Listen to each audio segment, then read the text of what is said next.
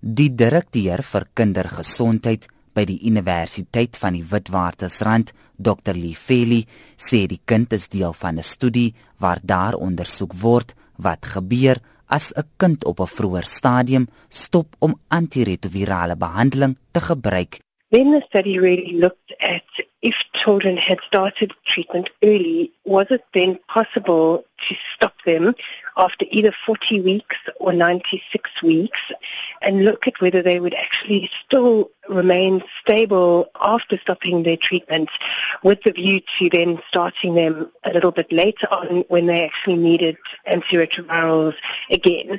One of the issues with children is that because they are really committed to lifelong treatment.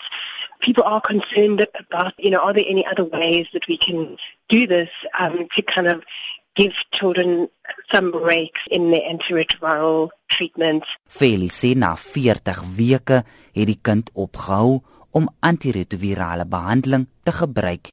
And what happened subsequently is that the child never really mounted a viral load again. So they can actually find some viral material in the child, and so it means that the child is still infected or they know that the child's infected, but basically the child has not mounted a viral response off antiretrovirals and the child is now about 10 years old. So it's been sustained for a long period of time. Sy sê die risiko is baie laag dat die kind ander mense met HIV kan besmet. The level of virus are so low and we, we know that really risks of infecting someone else, so whether it's mother to child transmission or if the child has a sexual partner that we're worried about whether they may um, infect them. Obviously, you know, the lower the viral load, the less likely it is, or it's almost impossible to infect somebody.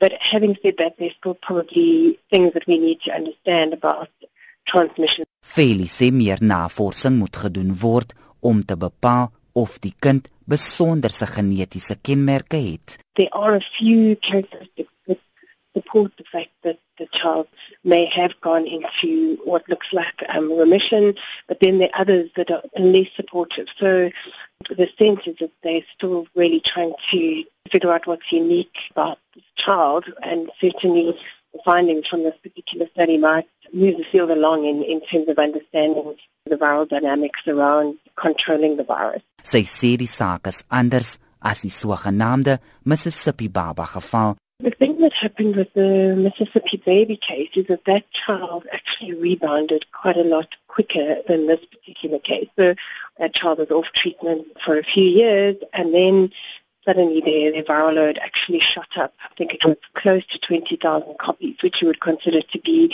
quite a reasonable um, rebound.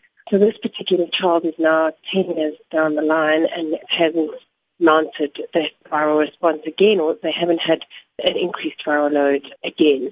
Whereas the Mississippi child, unfortunately, I think the child was about five or so when the viral load actually shot up again. Dit was Dr. Lee Fairlie, die direkteur vir kindergesondheid by die Universiteit van die Witwatersrand, Jean Estreisen.